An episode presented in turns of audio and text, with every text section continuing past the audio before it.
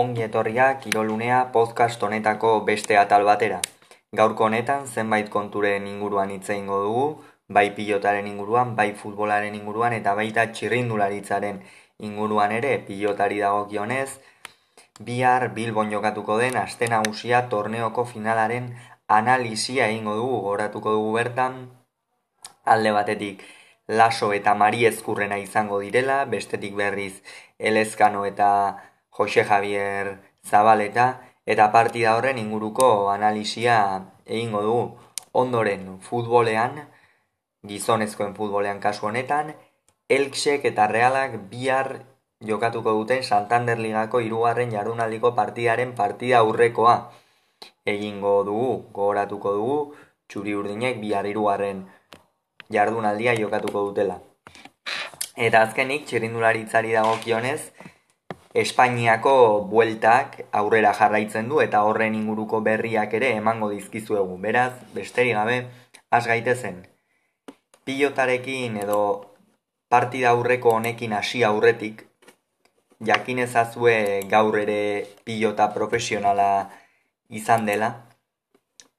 Eta kasu honetan,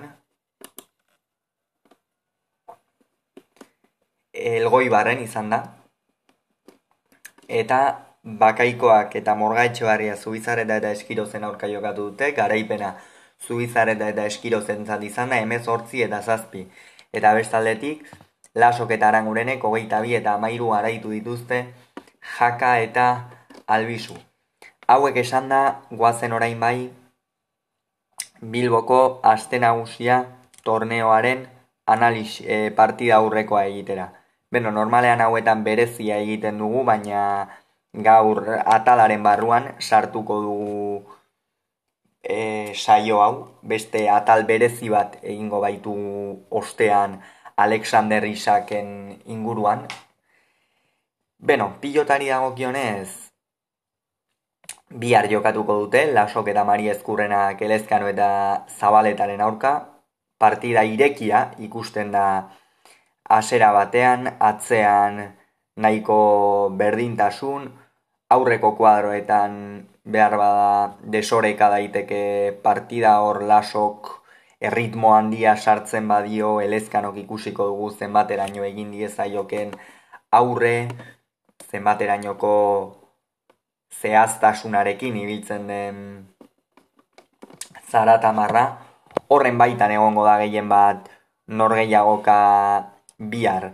Alere kontutan hartu behar da, laso eta mari ezkurrena biak alabiak zer nolako udara egiten ari diren. Sekulako udara egiten ari dira, asko jogatzen ari dira, lasok gaurrera elgoi barren erakutsi du zertarako gai den, eta mari ezkurrenak itzi gabe uzten gaitu ez da, sekulako atzelaria da, orain gainera udan hartu duen erregulartasun horrekin askoz ere atzelari seguroagoa eta garaitzeko askoz ere zailagoa dela esan genezake, baina kontua kontu laso eta mari ezkurrena oso bikote sendoa osatzen dute, bia gainera oso ongi moldatzen dira, gaztetatik elkarrekin dabiltza, oso bikote berezia eta oso bikote ona osatzen dute.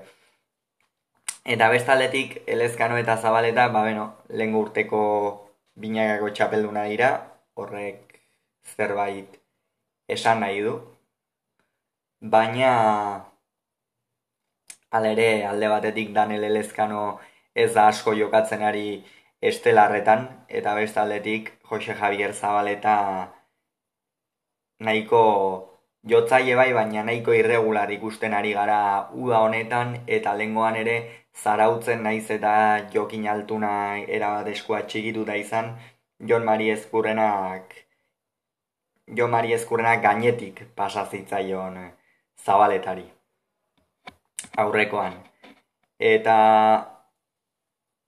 Bilbon gainera frontoi motzagoa edo izaki iruditzen zai favoritoak berriro ere laso eta Mari Ezkurrena direla. Zergatik, euren ezaugarrietarako oso frontoi egokia delako bilbokoa.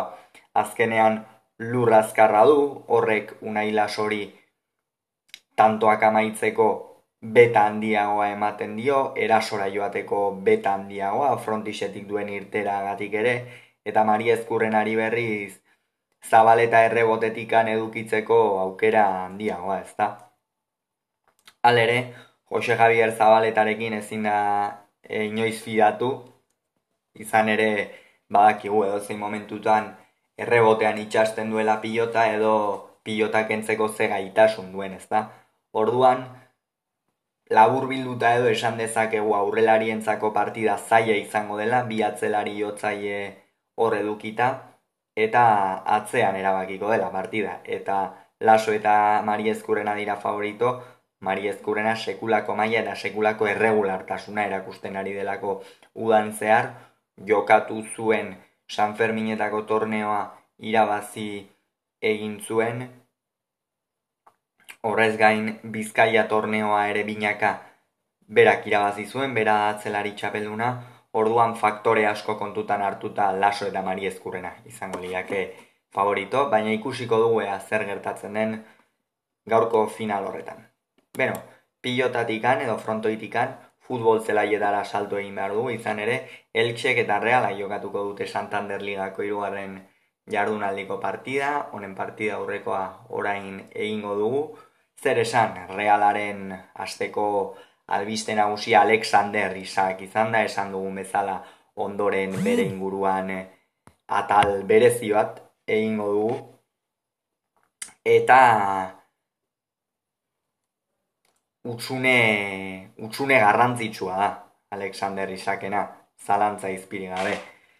Jokalari oso garrantzitsua izan da laburte egin ditu realean baina orain beste aro bat hasten da txuri urdinentzat eta aro honetan garrantzi handia edukitzera deituta dauden jokalariak esaterako Momotxo, Kubo, Brais Mendez edo Karrika buru dira aurreko alde horretan ez da. Karrikabururen gan konfidantza jartzen duen edo ez ikusiko du gaur e, Imanolek momentuz aurreko bi partidetan jokatu du. Baztandarrak bai Bartzelonaren aurka eta bai Kadizen aurka naiz eta aulkirik atera. Eta iruditzen zait gainera gaur hasieratik ateratzen badu oso jokalari arriskutsua izan daitekela batez ere duen arriskuagatik, ez? Gola senean darama eta iruditzen zait gainera ber, duen vertikaltasuna realarentzako oso garrantzitsua izan daitekela demoraldi honetan zehar, ezta?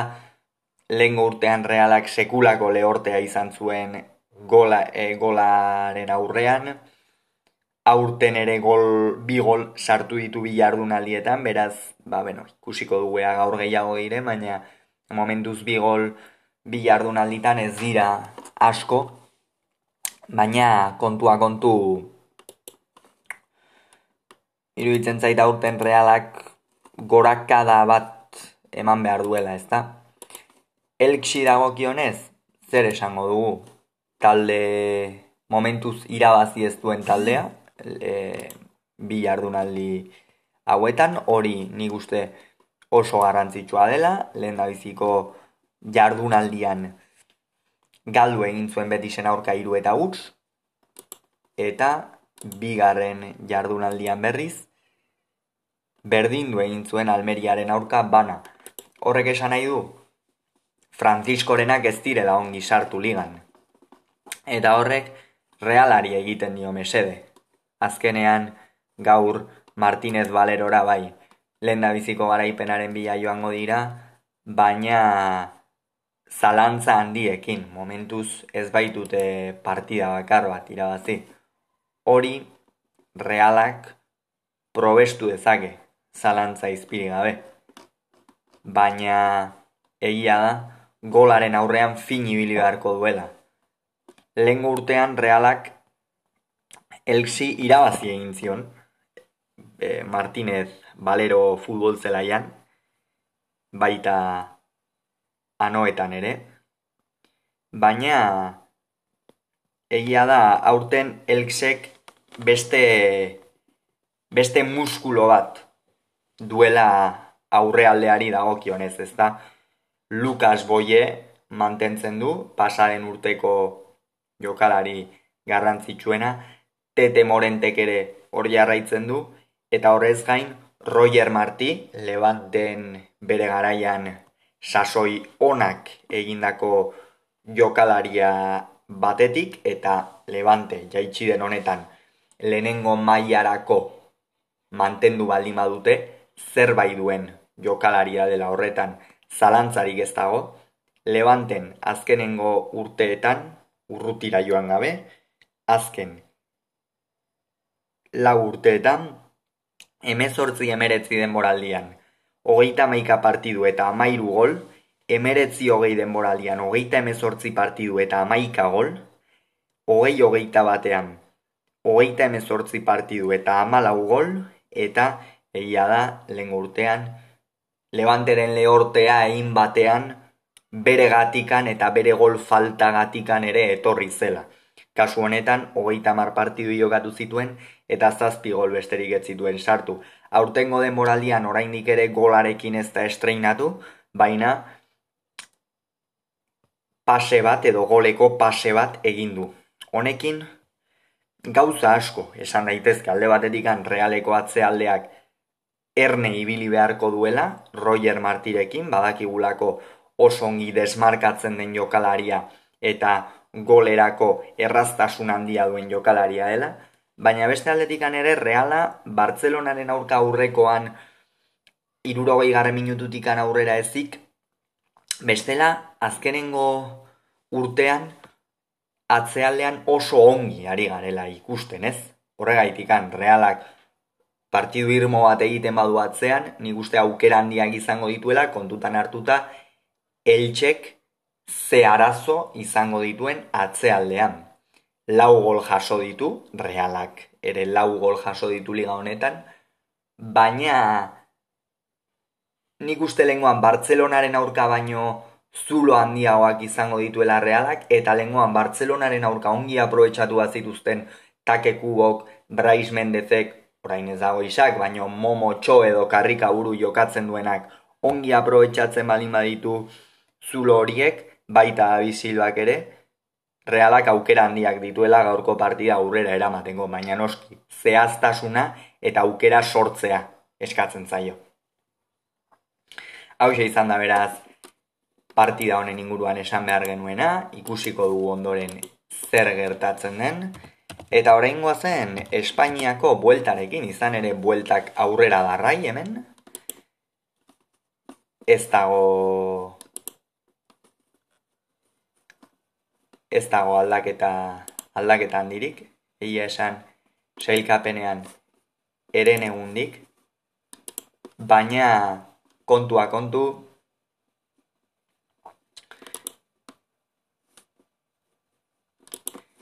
txirrindularitzaren azkenengo urteetako sentsazio handienak, hau da, renko, renko ebene polek, hor jarraitzen du. Azkenean, hor jarraitzen du. Eta ikusiko dugu, ikusiko dugu ea zer gertatzen den. Hemen sailkapena aipatuko dugu orain gaur edo bain gaur esprinean amaitu den lasterketa honetan baina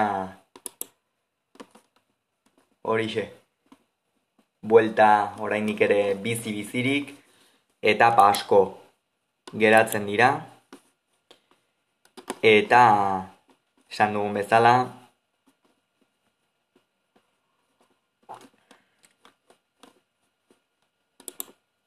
Renko Ebenepolek jarraitzen du lider nahiko sendo.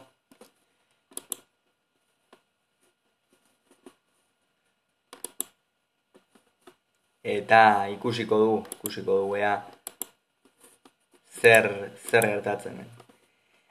Gaurko etapan, Jesus errada izan da irabazle esprinean, bigarren Batistela izan da, irugarren Wright, laugarren Jansens, bosgarren Sueni, seigarren Bennett, zazpigarren Stuart, zortzigaren Groves, bederatzigarren Maspersen eta amargarren McLay izan dira.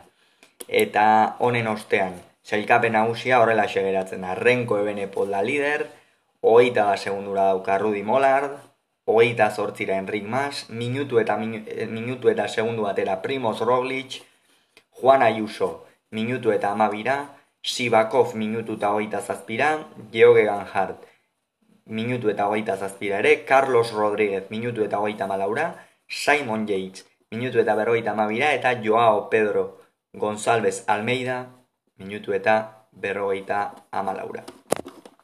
Hau izan da beraz gaurko zesan behar genuen guztia, urrengoan gehiago izango duzue kirolunea podcast honetan, bitartean ongi izan agur.